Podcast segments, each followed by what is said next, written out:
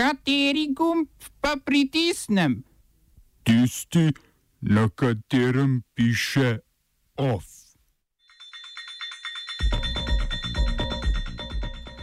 Turška vojska ne bo nadaljevala ofenzive na kurde v Siriji. Čilski predsednik Sebastian Pinjera podlegel zahtevam protestnikov. Evropska komisija v odhodu podprla vključitev Hrvaške v šengensko območje. Upokojenci zahtevajo preklic varčevalnih ukrepov nad upokojenci. Literarni prvenci v Trubarjevi hiši literature in začetek ignora.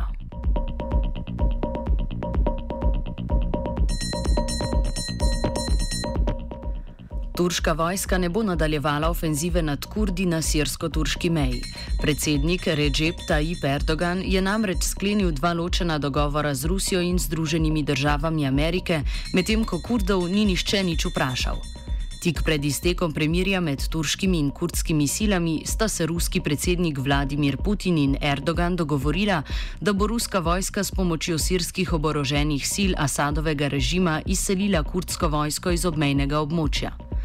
Po 150 urah, to je 6 dni in 6 ur, kolikor imajo kurdi na voljo, da se omaknejo iz svojih domovanj, bosta skupnimi močmi območje nadzirali ruska in turška vojska.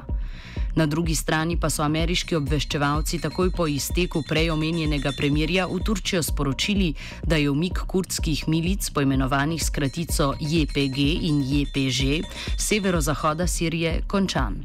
Turčija ima tako odprto pot, da uresniči Erdoganov cilj naselitve dveh milijonov beguncev v tako imenovano varno cono, ki pa bo skoraj štirikrat manjša kot načrtovano.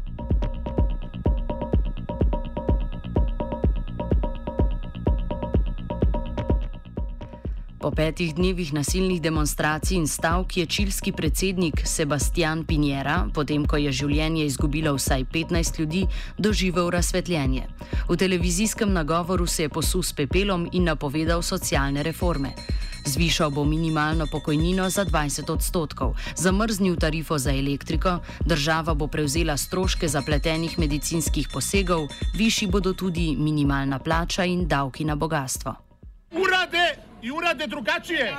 Kako nije, kako nam obećaju urade suprotno, onda ćemo izaći i zatvoriti autoput i pruge i sve, pa ćemo tu i...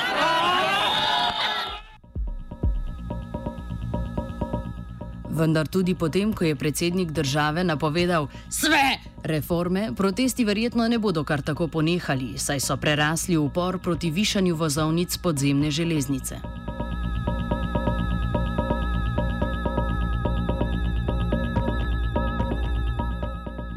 Štetje glasovnic po bolivijskih predsedniških volitvah še ni zaključeno, a so se protesti že začeli.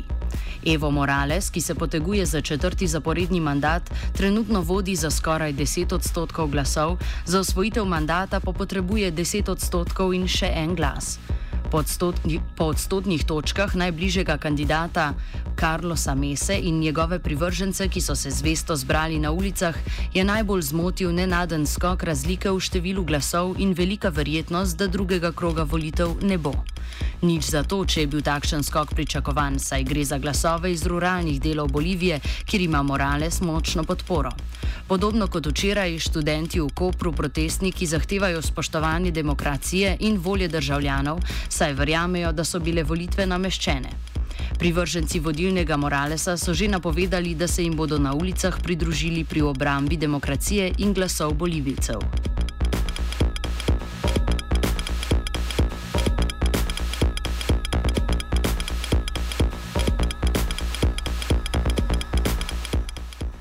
Vrhovni vodja Demokratične ljudske republike Koreje Kim Jong-un je med jahanjem belega konja na gori Paektu opravil pomembne premisleke.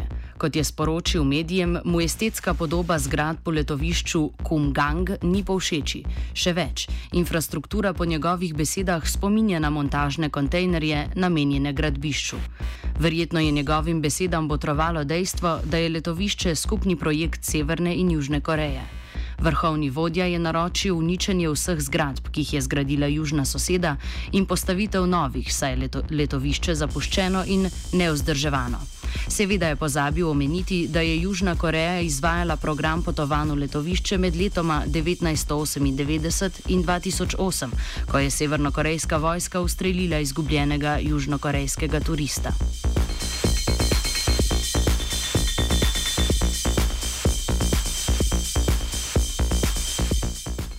V eni izmed zadnjih odločitev je Evropska komisija v odhodu izra izrazila pozitivno mnenje o vključitvi Republike Hrvaške v skupno carinsko območje, imenovano po luksemburškem mestu Schengen.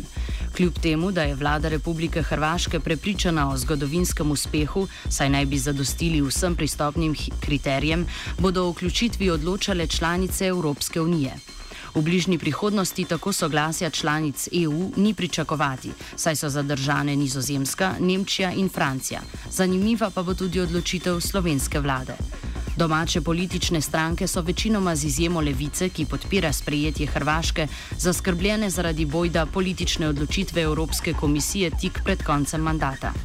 Verjetno pa je še bolj od političnosti odločitve komisije sporno nasilno ravnanje hrvaške policije s prosilci za azil, na kar opozarjajo nevladne organizacije.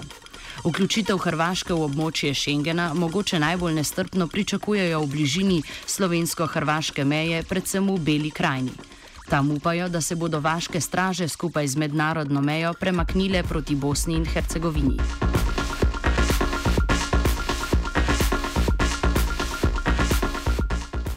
Italijani v Trstu se v ustanavljanje vaških straž spuščajo veliko bolj organizirano kot v Beli krajini. V odgovor na oboroženi napad pred dobrim tednom je fašistična organizacija Unija iz stranov na kraju zločina organizirala srečanje.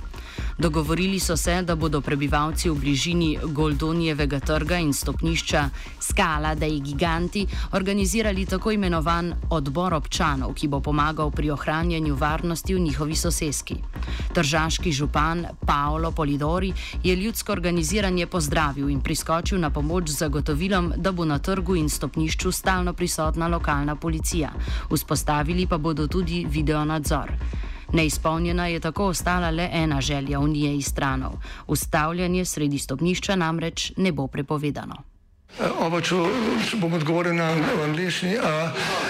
Slovenija bo poskušala pomagati. Slovenija bo naredila naš utmost, da bo rekla, da je situacija naš problem, sami. In bomo naredili nadaljnje korake, as soon as the conditions are. Bomo vlado Marjana Cererera Šarca podprli. Very, very serious. News from Slovenija. We know how and we will. Slovenski upokojenci imajo dovolj zategovanja njihovega pasu.